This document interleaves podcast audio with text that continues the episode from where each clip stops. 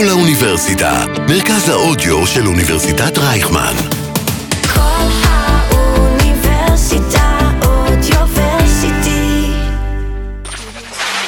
שיש כמה ח"כים שהם פשוט שקרנים. כולם שטופי מוח, רוצים להפוך את האוכלוסייה בישראל לעדר של כבשים. הרי זה זה שרלטנות של בג"ץ, חוסר צדק. על בג"ץ צריך להרים כף של אה, טרקטור D9. רוב רובן של המלצות המשטרה נגמרות בלא כלום. לא יהיה כלום, כי אין כלום. When you report fake news, which CNN does a lot, you are the enemy of the people. שלום לכל המאזינים והמאזינות. אתם על כל האוניברסיטה, מרכז האודיו של אוניברסיטת רייכמן. אני קרן אסף, ואתם בעוד פרק של אקדמיקס, הפודקאסט האקדמי שלנו. והיום בתוכנית אנחנו הולכים לדבר על משבר האמון. כן, משבר האמון בישראל ובעולם כולו שובר שיאים. אנחנו לא מאמינים לחברי הכנסת, לשרים, למשטרה, לפרקליטות, לבתי המשפט, למערכות הבריאות, לבנקים, ובטח שלא מאמינים לתקשורת. מה הבעיה בכך? איך אפשר לראות את חוסר האמון הזה בא לידי ביטוי בחיי היום-יום? והאם ניתן להחזיר את האמון בינינו? על זה בדיוק מדבר הספר משבר אמון, השתקפותו בתקשורת ובפוליטיקה. אותו כתבו דוקטור עמית לביא דינור ודוקטור יובל קרניאל, שניהם חוקרים ומרצים כאן בבית הספר לתקשורת סמי עופר. מעברנו מתחילים. אקדמיקס. אקדמיה בגובה העיניים.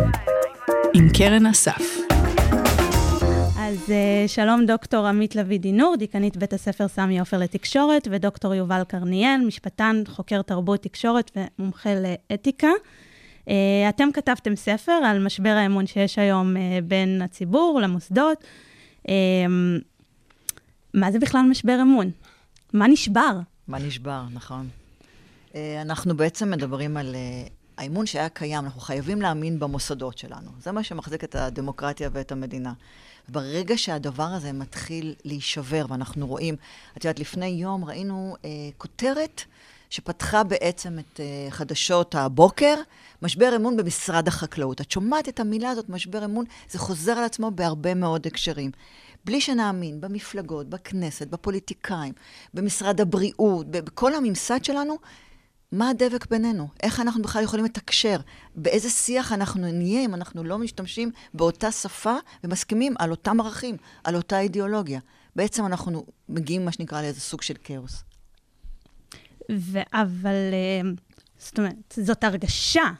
משבר אמון, איך, איך מקמטים את זה? איך יודעים ש- שיש בעיה? כן, אז הדבר הזה באמת הוא לא חדש. כלומר, אנחנו, כחברה אנחנו מבוססים על, אה, על אמון, אמון בין אישי אפילו, אמון בין אחד לשני, אמון בין בני זוג, אמון במשפחה, אמון במוסדות, אמון במה שאנחנו מקבלים מהתקשורת, אמון שהדברים יתנהלו כפי שאנחנו מצפים מהם, שאנשים יקיימו הבטחות, שיקיימו חוזים, אם אנחנו מדברים אה, משפטים. כלומר, זה איזשהו דבק מאוד בסיסי לקיומה של, אה, של חברה, ויש, קיים שיח על ההתפוררות של הדבר הזה, והוא נובע מכמה, מכמה מקורות. אחד, זה, הדבר הזה נבדק. יש מדדים, מדדי אמון, סקרים שעושים על מידת האמון, והסקרים האלה מגלים צניחה, ירידה הולכת ונמשכת בשנים האחרונות בכל מדדי האמון, האמון שלנו במערכות הפוליטיות, במנהיגים שלנו, במערכות המדינה, במערכת הבריאות בתקופת הקורונה, בבתי המשפט שלנו, והפרקליטות והמשטרה. כלומר, יש מדדים על. שמעידים על, ה... על הנתונים האלה כסקרים. הרשות השנייה לטלוויזיה ורדיו בודקת כל האמון שנה את אמון. הציבור בתקשורת, והיא מראה המכון תהליך. הישראלי לדמוקרטיה בודק אמון במוסדות הדמוקרטיה, בבתי המשפט. אה, לאחרונה התפרסם נתון מזעזע על אמון של 30% במשטרה. כאשר משטרת ישראל זה הגוף שאנחנו כולנו חייבים לו את, ה... את שלטון החוק, את הסדר, את הביטחון שלנו. אז נתונים כאלה קיימים, אבל גם מעבר לנתונים שמבטאים איזו תחושה, אה, קיימת אה, אה, שיחה על, על חוסר אמון. אנחנו שומעים יותר ויותר את המושג הזה. אנשים מתבטאים בדרך הזאת, אנשים מתבטאים כלפי פוליטיקאים בחוסר אמון, אומרים אנחנו מפרים הבטחות, אנחנו לא מאמינים להם. כל הנושא... תשאלי כל אחד, בוא נשאל את קרן, את מאמינה לפוליטיקאים? אז אה, מובן לא כל מאליו. לא כל כך, כן, בדיוק. משהו שכבר קיים הרבה, שנים. זאת אומרת, זה גם, זה משהו שהוא כאילו מובן מאליו כבר, נכון? כן, אבל אנחנו, באמת, לקחנו את זה צעד קדימה מהשיח של הסקרים והמדדים של חוסר האמון, והתחלנו לדבר על ההשתקפות של זה. כלומר, העובדה שזה קיים בשיח שלנו, בתקשורת, זה קיים בשיח שלנו בתרבות, זה קיים בתרבות פופולרית, אנחנו רואים את זה בפרסומות, רואים את זה בסדרות, רואים את זה בשיח בר- ברשתות החברתיות. כלומר, אנחנו פתאום הפנינו את תשומת הלב לזה שזה לא סתם משהו שאנחנו מדברים עליו כששואלים אותנו בסקר, אלא זה משהו שהפך להיות חלק מהיום-יום שלנו. אני כן מאמין, אני לא מאמין. נכון, אנחנו אולי נדגיש באמת שבתקשורת, במחקר של תקשורת, אנחנו רואים קשר מאוד ישיר בין ההשתקפות של מה שקורה במציאות בבידיון, מה שנקרא בסדרות, בדרמות, בכל, אנחנו קוראים לזה טקסטים פופולריים. אנחנו רואים קשר מאוד ישיר בין הדברים. זאת אומרת, כאשר קיימים דברים במציאות, פתאום את רואה פרסומות שעוסקות בנושאים האלה, ויש המון פרסומות היום, למשל, שמדברות באמת על חוסר אמון. נתנו כמה דוגמאות בספר, אולי נזכיר אחת מהן, אה, פרסומת למכונית אה, SUV 4 על 4. פרסומת שמראה את אה, אייל ברקוביץ', כן, שרוצה לקנות את המכונית, נכנס, והוא בא עם אה, מכשיר פוליגרף, כי ברור שמי שהמשווק, המוכר, משקר. זה ברור שלא אומרים לנו את האמת, אנחנו כבר מבינים את הדבר הזה, ואז הוא בעצם, מה שנקרא, בודק אותו ורואה האם הוא אה, אמר אמת או לא. כלומר, המובן מאליו הזה, שבא לידי ביטוי בעצם בפרסומות או בדרמות, זה אומר שזה משהו שכבר קיים במציאות. זאת אומרת שזה מה שאנחנו מרגישים. כן, היום, היום אנחנו, יש את הפרסומת של אה, בנק דיסקונט, רותם סלע, מתיישבת בבית קפה, ואומרים לה, אה, אני מתכתב עם הבנקאי. אז היא אומרת, מה? איזה בנק אה, יענה לך תוך. בהתכתבות? כן, תוך מה? שעה עוד, לא כן. מאמינים. בדיוק. כלומר, אנחנו כבר, השיח שלנו הוא שיח של מה פתאום, איזה בנק יענה לך, אנחנו עונים לזה, אולי פח, זה גם כן מופיע בפרסומות. כן. כלומר, הפרסומת עצמה כבר מודעת לזה שלא מאמינים לה. וזה אתגר מאוד גדול, איך אתה בכלל משכנע אנשים בעידן של אה, חוסר אמון. אנשים לא מאמינים לך, אז מה עוזר שאתה תגיד להם דברים?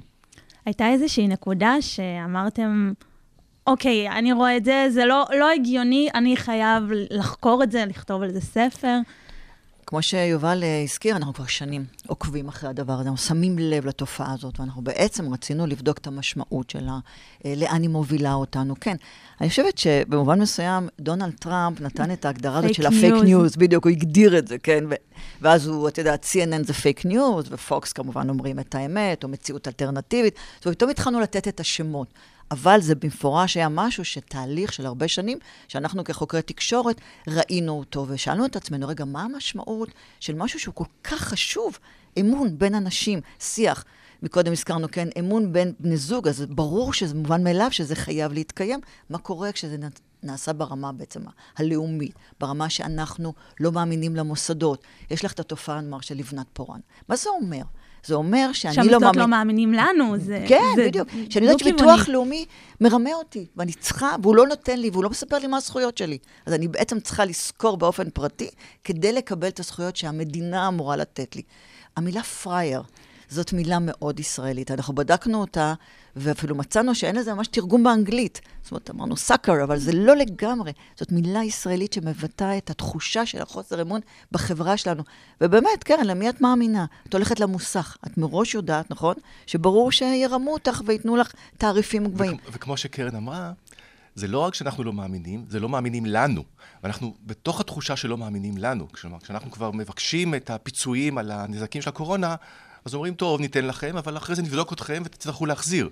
כשאני בא אחרי הלם קרב למשרד הביטחון, ואני אומר, תשמעו, אני לא ישן בלילות ויש לי אה, נכות, אז אומרים, רגע, תביא חוות דעת רפואית ותביא הוכחות ולא מאמינים לך, עד שאתה לא שורף את עצמך. כן, אה, איציק מול- סיידן.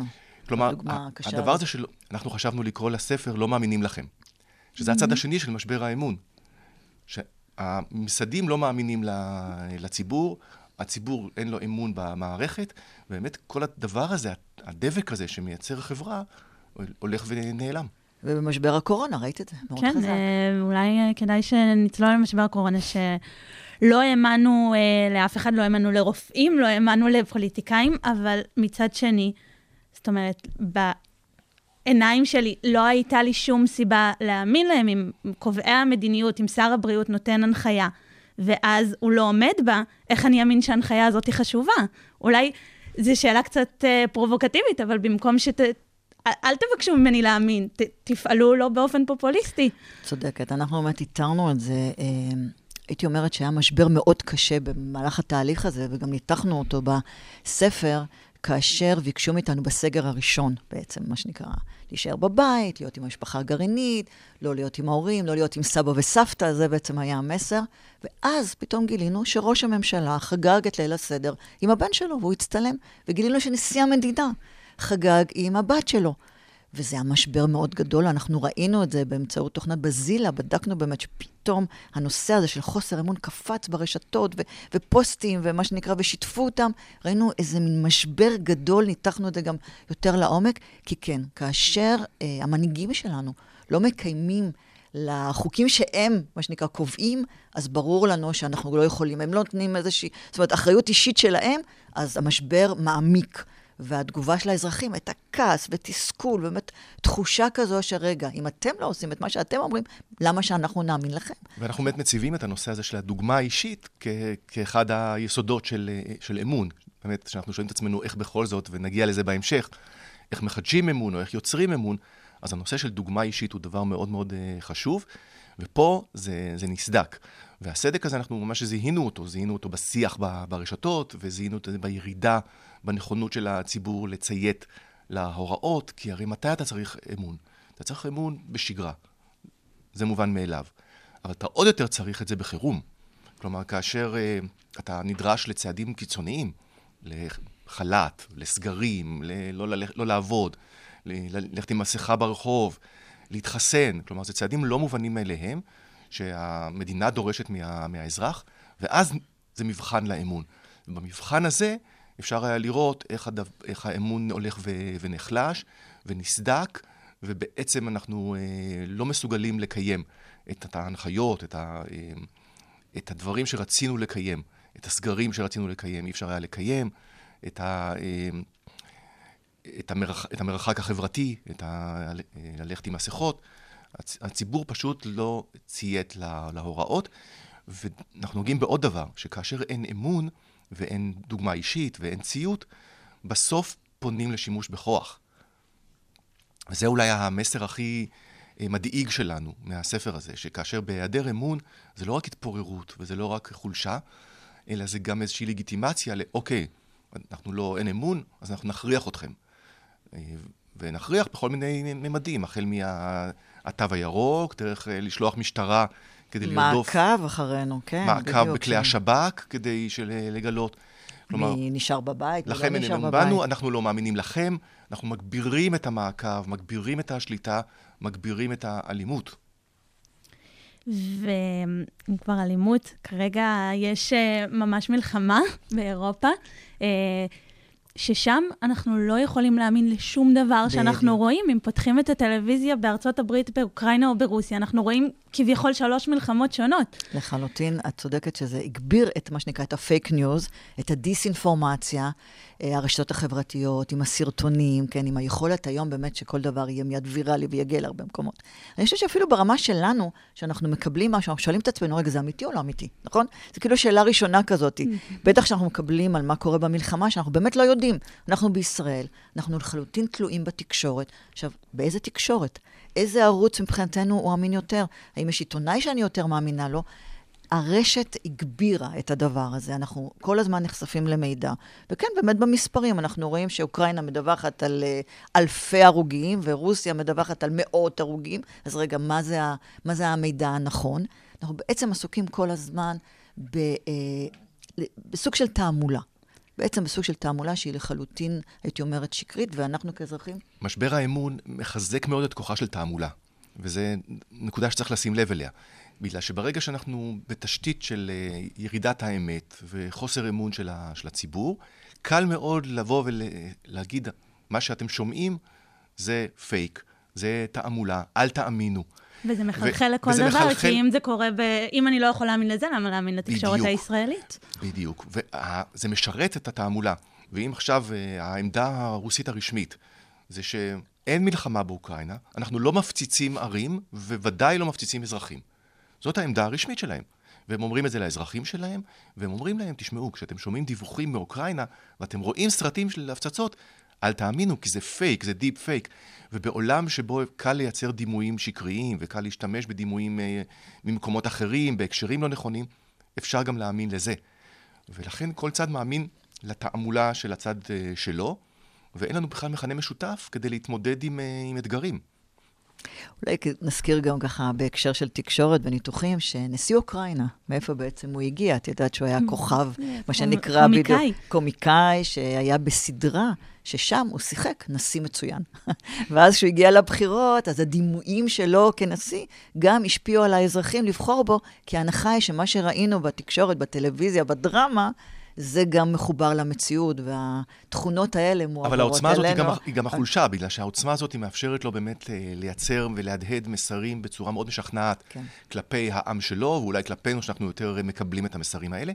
אבל הצד השני אומרים, אה, הוא שחקן, אל תאמינו לשום דבר, זה הכל הצגה, זה הכל אה, תעמולה, זה הכל פייק, זה הכל דרמה, הוא ממשיך לחיות בסרט שלו. כלומר, הכוח הזה הוא גם החולשה. זה נכון באמת שהיום מאוד קשה לנו לדבר על מושג האמת. כלומר, מהי האמת? וגם, דרך אגב, בפילוסופיה אנחנו רואים את היחלשות מושג האמת, או החשיבות שלו. אז ברגע שאין איזו אמת אחת, שיותר אובייקטיבית, שיותר מדעית, אז באמת השיח שלנו הוא כמעט בלתי אפשרי. בעידן הרשתות החברתיות אפשר שתהיה אמת אחת, שכל אדם עם טלפון מעביר את אה, משנתו בלי פיקוח? מה שהיה פעם שיח אה, באמת אקדמי, תיאורטי, דיברנו על אה, פוסט-מודרניות ועל שקיעת האמת ועל היעדר האמת כמושגים אה, פילוסופי, פילוסופיים או שקשורים באמת לטקסטים. היום זה מציאות חיים של כל מי שחי ברשתות. כלומר, זה, הרשתות החברתיות הפכו את זה למשהו אה, חי, נושם, נגיש, כולנו מרגישים את המציאות הזאת של אמת ופייק. נכון, אפילו הייתי אומרת יותר מזה, באמת בתחום התקשורת של העיתונאים. כן, בעבר יכולנו לדבר על העיתונאים שהיו מצליבים מידע, שהיה להם חשוב, זאת אומרת, לחקור ולבדוק. והיום באמת בעידן, כמו שאת אומרת, של וואטסאפים, שהכל נורא מהיר, את רואה את העיתונאים שהם מס- מסתכלים בוואטסאפ, משדרים, מדברים, ואז גם מתקנים את עצמם. זאת אומרת, אין עם זה בעיה, כי העובדות הן לא מאוד מדויקות. זה משהו שהוא נגד התהליך העיתונאי המכובד, הרציני, כן? באמת שמחפש את העובדות. הם כמעט ויתרו על התפקיד שלהם לייצר את האמת. טוב, באמת רואים את זה במלחמה.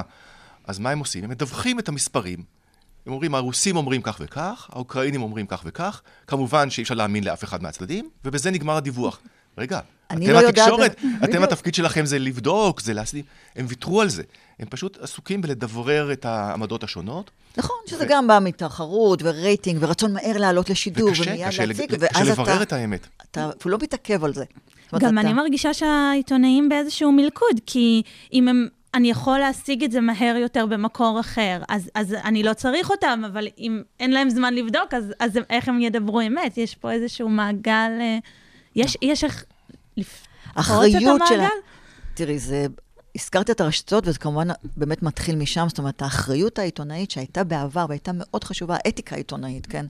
שיובל מכיר טוב, היא כאילו, זה הבסיס, כן, זה הולך ונחלש, זה הולך ומידרדר. והיום יותר חשוב לעלות לשידור, לתת את העובדות, אה, מיד לספר לנו שזה סקופ של, כן, עיתונאי כזה או אחר. פרסום ראשון. פרסום ראשון, בדיוק. הם כולם בפרסום ראשון, רק השמות משתנים, תלוי בערוצים. זה הפך להיות דבר יותר חשוב מאשר בדיקת העובדות, ואמירת האמת והאתיקה שהייתה מלווה. אז אנחנו באמת לא יודעים כבר למי להאמין. המודל הכלכלי של, ה, של התקשורת, אה, הוא לא משרת את החיפוש אחר האמת. הוא מחפש את החיפוש אחר הרייטינג. ולכן המהירות היא מאוד חשובה, והדרמה היא חשובה, והוויכוח הוא אה, חשוב יותר מאשר האמת. האמת היא יקרה. כדי לבדוק את האמת צריך אה, תחקירים, וצריכים מקורות מידע, וצריך אה, זמן, וצריך אנשים אה, מאוד אה, איכותיים. הדבר הזה עולה מאוד, הרבה מאוד כסף. התקשורת במידה מסוימת ויתרה על התפקיד שלה בעולמות האמת. והיא הפכה להיות אה, זירה לדעות, וזירה למאבקים, וה- והמודל הכלכלי הוא קל יותר להפיץ שקרים. כבר יש על זה מחקרים, וב- והדבר הזה ידוע, שאנשים יותר מתעניינים בעובדות אלטרנטיביות. בדברים מדהימים. קונספירציות. בתיאוריות קונספירציה. זה מעורר יותר לייקים ויותר שרים, ואנחנו מתלהבים מזה יותר, ולכן אנחנו, התקשורת הופכת יותר ויותר ל- לזירה מאוד מאוד בעייתית. וכל ניסיון אה, לבוא ולדרוש ממנה סטנדרט אה, גבוה נת- נתקל במחסום. נכון. מחסום גם של הקהל? תראי, אנחנו התרגלנו, זה בעצם מה שקרה לנו. מחסום גם כבר- של הקהל. גם, כן, היום למשל, בדיוק מה שה... הקהל אומר, הדוג... אה, רגע, שנייה, הדוגמה באמת שאמרת, ש... אה, לא חושבים שאנחנו רוצים לקבל את המספרים הנכונים. זאת אומרת, אני לא אכפת לי, זאת אומרת, אומרים לי, אוקראינה אומרת ככה ורוסיה אומרת ככה, ואתה כעיתונאי, תגיד לי, רגע, מה בדיוק קורה במלחמה הזאת? אתה תדייק לי את העובדות. אני אפילו כבר לא מצפה לזה, זה נשמע לי בסדר. לכן את אומרת, כן, גם הקהל, גם אנחנו התרגלנו לסוג כזה של דיווח. כן, והקהל רוצה את, ה, את, את המקסימום של, ה, של הגירוי. והרבה פעמים אתה רוצה לשמוע את מה שאתה, את הדעות הקדומות שלך. אתה יותר מתלהב מהדעות הקדומות שלך, מנתונים שתומכים ב, בקונספציות שלך, ופחות מסוגל ורוצה לקבל אה, נתונים אחרים. נכון. ובאמת התק- התקשורת נמצאת במלכוד אה, גדול, כי הביקוש הוא לא לאמת. הביקוש הוא, תייצג אותי, תשמיעו את הקול שלי, תנו לי נתונים שתומכים בעמדה שלי, כדי שאני אוכל אה, לגבור בוויכוחים, כדי שאני אוכל לשכנע אחרים. זה בדיוק מה שקרה, נכון, אנחנו הרי... אל תבלבלו אותי עם העובדות. כן, אל תבלבלו. תחשבו פעם שהיה ערוץ ראשון, כן, מר חיים יבין, מר טלוויזיה. בעצם גם מקורות המידע שלנו היו ממקור מוסמך ואחד. והיום אנחנו כבר מחפשים, מה שנקרא, את העיתון שמדברר אותי, שמתאים לדעות שלי, את העיתונאי, שהוא בעצם לפיו, ואז אני מקשיבה לו ואני מסכימה עם מה שהוא אומר, ואני שמעתי עיתונאי שאני יודעת שדעותיו אחרות, כי אני יודעת היום את הדעות. אם בעבר זה לא היה מאוד ברור, והיה משהו הרבה יותר ממלכתי, היום אני לחלוטין יודעת, מה שנקרא ימין ושמאל, ואז בהתאם לכך אני גם מקשיבה בצורה אחרת לכל אחד מהעיתונאים. ואם זה עיתונאי שהוא לא בדעות שלי, אני לחלוטין לא מסכימה איתו מראש. אם זה מישהו שכן מדברר אותי, אז אני מקשיבה לו, מבחינתי זו האמת. יש פה מצב... אה, הדעה החליפה את, ה, את העובדה, ואנחנו כולנו מחפשים את הנציג שלנו, את הנציג שלנו בתקשורת, וגם אגב את הנציג שלנו בפוליטיקה. כלומר, אנחנו כבר לא מצפים שהמנהיגים שלנו ישרתו את כולם, אלא שהם ישרתו אותנו. זה קצת דומה, העיתונאי שישרת אותי, הנציג שלי שישרת את הסקטור שלי, וככה אנחנו מתפוררים. אין, אין חברה, יש... אין אה, חברה, יש שבטים, יש סקטורים. וה... כן, בדיוק הנאום של אה, הנשיא ריבלין. כלומר, על, ה, על השבטים, איך זה לאט-לאט אנחנו מתחילים באיזשהו תהליך של התפוררות. בכלל, אם גם מדברים על פוליטיקה, הרי בעבר באמת היו לנו מה שנקרא שתי מפלגות גדולות. הליכוד ועבודה, מערך, וזה היה בערך 40 מנדטים כל אחד. ואת רואה לאורך השנים שאנחנו יותר ויותר מפלגות קטנות שכבר לא מצליחות ליצור קואליציה, שזה מין דבק כזה שלא לא מתחבר ביחד, קשה לנו, אה, קשה לנו להעביר, בעצם לק- לקיים ממשלה שיש לה איזשהו רוב, כי אנחנו יותר ויותר סקטורים צרים. כן, וגם, וגם המשבר אמון ב, ביריב שלי. כלומר, אתה יכול לקבל את זה שיש אה, דעות שונות ויש מפלגות שונות, אבל אתה מכבד את זה שגם היריב האידיאולוגי שלך וגם מי שאתה לא מסכים איתו, אה, שואף לעשות טוב. ובעולם של משבר אמון, אתה מייחס לאנשים שלא חושבים כמוך אה, זדון. אתה, מייח, אתה אומר, הוא נוכל, הוא מושחת, הוא בוגד. שקרן, כן. הוא ש... כלומר, הדבר, הדבר הזה, אתה מבטל את היריב שלך, אתה חותר מתחת לאמון, ש... ואתה מאמין רק לאנשים שלך. והדבר הזה הוא מאוד מאוד מסוכן, בגלל שמעבר להסתה שגלומה בו, ויש בו מידה של הסתה. כלומר, אם הצד השני הוא בוגד, ואם הצד השני הוא אה, נוכל, ואם הצד השני הוא אה, אה, רואה רק את האינטרסים של עצמו, אז המ- המלחמה בו היא ברמה אחרת. ובאמת הקרבות, גם הפוליטיים, הם הופכים להיות ברמה הרבה יותר אה, גבוהה של מעורבות אה, רגשית, וזה יוצר בסוף חוסר אמון במערכת. אז אנחנו לא מאמינים uh, למערכת, uh, לא הממשלה, לא הכנסת, לא התקשורת. נשארנו עם uh, מערכת הצדק, בתי המשפט. Um, בבתי הספר למשפטים מלמדים שבבית המשפט uh, נעשה צדק. מה, מה קורה כשאנחנו לא מאמינים שזה באמת uh, מה שקורה שם? אז uh, אנחנו נמצאים באמת במשבר, והמשבר שאנחנו מדברים עליו, משבר האמון, הוא במידה לא קטנה משבר אמון במערכת המשפטית. בגלל שבסוף המערכת המשפטית היא המסגרת של החברה. החוקה והשלטון החוק והרעיון של השוויון והערכים הבסיסיים שלנו משתקפים בעולמות המשפט, והתפקיד של בתי המשפט, של הפרקליטות, של, ה, של המשטרה, בראש ובראשונה מבוסס על האמון. אין, אין למשפט כוח בלי אמון הציבור. וזה דבר מאוד מאוד בסיסי. והירידה באמון הציבור במערכת המשפט היא אולי התופעה החמורה ביותר שקורית, כי אנחנו מדברים בספר על אמון מדרגה ראשונה ואמון מדרגה שנייה. אמון מדרגה ראשונה זה שאתה מאמין שהאנשים שעומדים מולך הם גם יעילים והם גם הוגנים, ואתה גם אה, תומך בערכים שלהם. זה מידה גבוהה של, אה, של אמון. והיא קשה להשגה. אבל אמון מדרגה שנייה, אתה בא ואומר, אוקיי, האנשים האלה הם לאו דווקא הכי יעילים, ולאו דווקא הכי אה, שותפים לי בערכים, אבל אני יודע שככה זה מתנהל.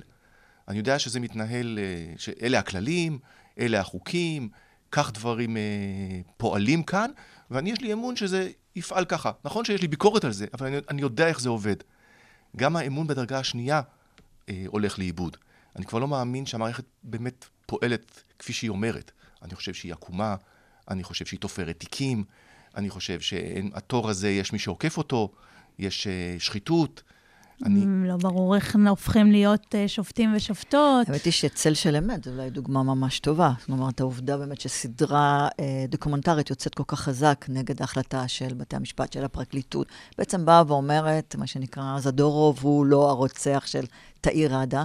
ותסתכלי באמת, קהילות שלמות של אנשים מקבלים את העמדה של התקשורת, לעומת מה שנקרא העמדה של המשפט, ואת רואה בכלל היום בתקשורת שהתקשורת לחלוטין מגויסת לעמדה של אה, צל של אמת, לעובדה שזדורוב הוא לא הרוצח, ואת בעצם רואה פה איזה מין סוג של דיאלוג למי אנחנו מאמינים. אז אנחנו לא מאמינים לתקשורת, אלא אם כן היא אומרת היא את בד... מה שאנחנו רוצים בכל מקרה לשמוע. תראי, תמיד את מאמינה למי שאת רוצה, מה שנקרא, לשמוע את דעתו. וכנ"ל למשפט, זה, שזה כבר ממש רמה גבוהה. כן. כלומר, כל הרעיון של משפט זה שאנחנו נבוא לשופט, יש בינינו מחלוקת, זה לא שאני חושב שהצד השני צודק, אבל אני מקבל את זה... הסמכות שאלה, שלו. שה, כן, לא, שזאת הסמכות שלו, okay. אוקיי. ושהוא עושה את זה על פי הדין, והוא עושה את זה על פי מה שהוא תופס כנכון. יש לנו איזשהו אמון בסיסי במערכת. נכון. והדבר הזה נסדק. נכון, ואפשר היה לראות את זה, דרך אגב, בתי המשפט והמשטרה, זה גם כן מה שנקרא אמון מדרגה מאוד גבוהה, שהתחיל הסיפור עם NSO. בעצם ההנחה הראשונית שלנו הייתה שאכן המשטרה שלנו עוקבת אחרי אזרחים, אחרי אזרחים שמגיעים להפגנות ואחרי מנכ"לים. זאת אומרת, זה נראה לנו טבעי והגיוני. וזה כל כך לא טבעי והגיוני, זה כל כך בעצם היינו מראש צריכים להרגיש ש, שיש משהו בעייתי בידיעה הזאת. כשיש משבר אמון, קל נורא להאמין אלה, באמת גם לתיאוריות קונספירציה וגם להאשמות מרחיקות אה, לכת. הכל כבר אפשרי. יכול להיות שאפילו שופטת תתמנה בגלל שהיא שכבה עם מישהו. דבר דמיוני כזה יכול לקרות. כלומר, אנחנו באמת מאבדים את, ה, את, את התפיסה שלנו של, ה, של המציאות, ואנחנו נתפסים יותר ויותר לתיאוריות קונספירציה, ואנשים לא התחסנו בישראל בגלל אמונה בתיאוריות קונספירציה. לא מדבר על הדבר הזה של, של זהירות, שזה אולי טבעי ואפשר להבין. אנשים חשבו שיש איזו מזימה אה, של חברות תרופות, מזימה בינלאומית, להרוג אנשים, לדלל את האוכלוסייה, להשתיל בנו שבבים. כלומר, דברים שהם היו פעם אולי שוליים מאוד מאוד קיצוניים ומאוד הזויים, היום הם חלק משמעותי ב- נכון. בשיח. אנחנו מדברים על זה בספר ומראים שמדובר בכמות מאוד מאוד גדולה של אנשים. דבר שבאמת מסכן את, ה- את היכולת שלנו לקיים uh, חברה. ובאמת את המהלך של ההתחסנות uh, נבלם, והוא נבלם בערך בשני שליש, שזה לא מספיק. וזה לא היה בעבר. ישראל עברה כבר גלים של אה, מגפות ושל אה, חיסון, והיה ציות הרבה יותר גבוה. והיום, בעידן הזה של משבר האמון, של תיאוריות קונספירציה, של רשתות חברתיות, אה, אנשים מקבלים כוח לחרדות שלהם, להססנות שלהם. לחזק אחד את השני. ומוצאים קהילה שלמה, והקהילה הזאת היא, בעצם במקרה של החיסונים, מנעה את החיסון עדר במדינת ישראל. באיזשהו מקום, אבל לא הייתי, לא הייתי רוצה שאנשים יאמינו שבאים להשתיל בהם שבבים, אבל גם לא הייתי רוצה איזו אמונה צפון קוריאנית של 100% בכל מה שאומרים לנו. מה, מה האנד גיים? אגב, בצפון קוריאה זה 0 אחוז. אם מסתמכים על סקרים, אז זה לא 0 כן, אחוז. כן. תראי, אנחנו לא אה, מבינים בכל התחומים, נכון? ואנחנו, האזרח הפשוט, אנחנו לא מבינים בתחום הרפואה. ולכן אנחנו צריכים איזשהו מישהו, בעל סמכות, שיבוא ויסביר לנו ויגיד לנו מה טוב לנו ומה אין. זה לא עניין של אני מאמינה, לא מאמינה. יש תחומים שבהם אני לא בקיאה ואני לא מומחית. ולכן, אם באים המומחים, אה, אנשי הרפואה, שר הבריאות, זאת אומרת, אני חייבת להאמין למישהו. והסיטואציה הנוכחית הזאת היא שאותם שליש, נאמר, שרק עסוקים בתיאוריות קונספירציה ולא מאמינים בשום דבר, המציאות היא הפכה להיות מאוד מורכבת, שכמו שיובל הזכיר כאן, העדר הזה, החיסון עדר שכן היינו זקוקים לו, לא מתקיים. אז פה זה כבר הבריאות שלנו. אבל היא צודקת בדבר אחד, וגם אנחנו מדברים על זה בספר, שאנחנו לא שואפים לאמון של 100%, 100%, לא, ואפילו ברור. לא 90, את יודעת מה? גם לא 80. יש איזו אה, רמה של ספקנות, של ביקורת, שהיא בריאה בחברה דמוקרטית, חברה חופשית, אנחנו רוצים שיהיו אה, קולות שונים, אנחנו רוצים שיהיה ערעור, יש הרבה דברים שבאמת ראויים לחוסר אמון. צעדים מוט- מוטעים וגם שחיתות. כלומר, הדבר הזה קיים. מה שאנחנו מסמנים זה שרמת האמון הידרדרה לרמה כזאת, אנחנו כבר לא מדברים על אה, המספרים האלה. אנחנו יורדים לרמה של אה, 40, 30, 20. ויש וכך- מקרים, כמו שהזכרנו, הקורונה, ששם באמת את רואה את ההשפעה של הדבר הזה. לפעמים זה לא קורה, לפעמים זה זניח. לפעמים זה משהו מאוד ממש משמעותי. על החיים שלנו. ממש, החיים שלנו, בדיוק. תרתי משמע. אז אה, איך משנים את זה? יש מה לעשות? זאת השאלת השאלות, וכמו שאמרנו, פתרון פלא לצערנו אין לנו, כמו מה שנקרא משבר האקלים. אנחנו לא יכולים למצוא פתרונות. אבל זה דומה אבל, למשבר אה, האקלים. בצונאמי של זה, אתה אומר. לא, אני חושב שאחת ה... כן. זה בדיוק אחת הסיבות ששמנו את הספר הזה על השולחן, והתעסקנו בזה במשך באמת שנים, ואולי התוצאה המצופה מהמחקר הזה, זה שזה יחדור למודעות ברמה הזאת. כלומר, זה משבר שמאיים על קיומה של החברה. זה משבר שמסכן את העתיד שלנו, את היכולת שלנו, גם בחברה הישראלית וגם בכלל בחברה המערבית, להתנהל. כלומר, בלי רמה של אה, מסוימת של אה, אמון במערכות, במוסדות, יכולת לברר את האמת, אפשר. יכולת לקרר, אי אפשר לקיים משפט, לקיים, יכולת לקיים מערכות אה, בריאות, כלכלה. לא דיברנו על חוסר האמון במטבע, על הביטקוין, על הבריחה ממטבעות אה, מדינתיים. כלומר, יש... התופעה הזאת היא חשובה, היא ברמה של משבר עולמי שמחייב תשומת לב.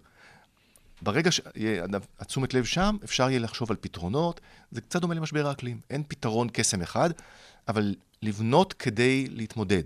לבנות אמון. כדי להציג את החשיבות של הדבר, בדיוק. זאת אומרת, בעצם אנחנו אומרים, בואו נדבר על זה. בואו שנייה נעצור ונבין שאנחנו חייבים למצוא את המשותף. חייבים למצוא כן את הערכים שאנחנו מסכימים עליהם, ועליהם אולי ננסה לבנות בעצם סוג של אמון. בואו, אנחנו גם הצענו איזה משהו בספר של סנהדרין, שיהיו בו אנשים עם דעות שונות, אבל הם ינסו למצוא את הערכים המשותפים, כדי שמשם נוכל לקיים איזשהו שיח. אחרת, ההתפוררות שאנחנו רואים אותה באופק, היא מפחידה מדי. אנחנו היום בשיח... הכנסת הייתה אמורה להיות איזשהו. דימוי לסנהדרין. אנחנו היום בכנסת בשיח של חרמות. כלומר, לא רק שאין אמון שלנו בכנסת, אלא בתוך הכנסת אין אמון במערכות, והתוצאה היא באמת חרמות. זו דוגמה מאוד טובה למה קורה בהיעדר אמון. ודרך אגב, איך הם מתנהגים בכנסת? כמו שאתה אומר, מחיאות הכפיים, הצעקות, הבוס, זאת אומרת, לאן הגענו? דברים שלא היו בעבר. אנחנו בדיוק רואים את ההתפוררות של המוסד שאמור להיות, כן, כמו שאת אומרת, ללכד אנחנו אותם. מדברים על כמה באמת, אה, כמה שכבות של, אה, של פתרון. העומק הוא באמת בחיזוק הערכים המשותפים. שבסוף זה מה שיוצר ומבסס אה, אמון, וזה תהליך מאוד מאוד קשה. זה בירור מאוד, מאוד כואב, והוא לא יכול להיעשות במישור הפוליטי. כי המישור הפוליטי מחדד את הפערים, ויוצר את המחנאות, וכל כל אחד מדבר אל הבייס שלו. קשה מאוד לק- לקיים ריפוי ושינוי, אפילו שהיום יש ממשלה שיש בה יותר יכולת לנהל איזשהו שיח. והוא מתקיים בתוך הממשלה, אבל הוא חלקי, הוא רק אצל חצי מהעם. אני, אני הרגשתי שבכנסת האחרונה היה איזשהו מיאוס מהקיטוב הזה, וכן העם, אם דיברנו על אנחנו רוצים לשמוע את מה שדומה לנו, היה, היה איזושהי נכונות... אה, נכון. תראית אחרי ארבע מערכות נכון. בחירות. כן. זאת אומרת, המצ... אני חייבת להגיד לך שיש איזה סלוגן כזה שנקרא מושחתים נמאסתם, שהוא שנים על שנים. כמעט כל מפלגה לאורך השנים באמת השתמשה בזה. אבל את צודקת שהמצב הזה של ארבע מערכות בחירות וחוסר יכולת להקים ממשלה, זה דבר שלא היה, זה באמת דבר קיצוני, זה באמת מראה בדיוק את החוסר יכולת הזאת להתלכד. כן. אז יש את הנושא באמת של הערכים, יש את הנושא של אה, שלטון החוק.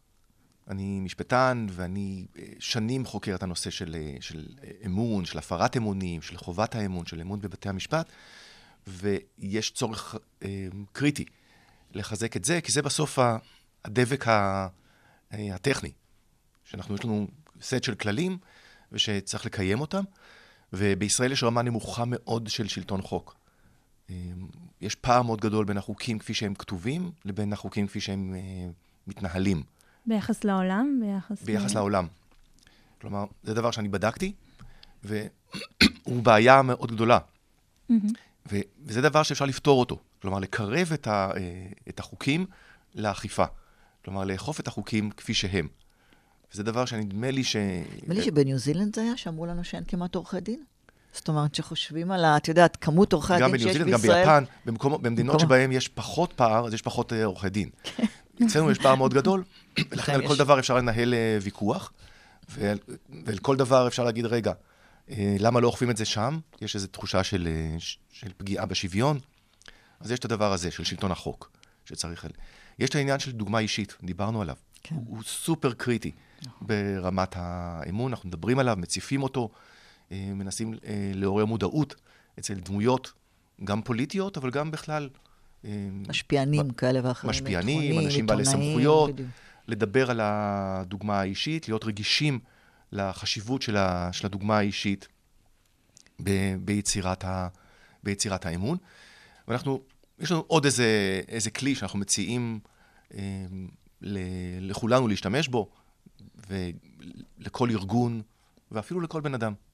כי הרי בסוף אנחנו כולנו זקוקים לאמון, גם באופן פרטי, וגם כשאנחנו ארגונים, להתמודד עם השאלה של האמון ברמה אה, ספציפית. כלומר, לשאול את השאלות הבאות. אה, מי לא מאמין לי? מהמם. מי לא מאמין לך? אבל אני אומר, המשטרה, או בית המשפט. כאילו ארגונים. או מהמם. ארגונים, ממסד. גם בני אדם. כן. לשאול את עצמנו את השאלה מי לא מאמין לי. כלומר, אבל לא, אם רק- לא רק הממסד להסתפ... אה, לא... האם לי יש מה לעשות עם זה שביטוח לאומי או המשטרה לא מאמינה לי? לא, אני אומר, אני אומר לביטוח לאומי, לביטוח לאומי יש. כשאני בא לביטוח לאומי, כשאני מדבר עם המנכ"ל של ביטוח לאומי, אני אומר לו, תשמע, יש לך בעיה של משבר אמון, הוא אומר לי, מה אני לעשות? אני אומר לו, תעשה, ת- תשאל את השאלות האלה. אל תסתפק בזה שיש סקרים שאומרים שלא מאמינים לך, ותגיד, אבל אני עושה את המקסימום. זה לא מספיק. תשאל את עצמך את השאלה של מי לא מאמין לי. תרד לרמה, לא, לא יש לי אמון של 40 אחוז, מספיק לי, או יש לי אמון של 60 אחוז. תתמודד עם השאלה הזאת שיש אנשים שלא מאמינים לך, תבין מי הם. ואז תשאל למה הם לא מאמינים לי. אותם אנשים שלא מאמינים לי, למה הם לא מאמינים לי?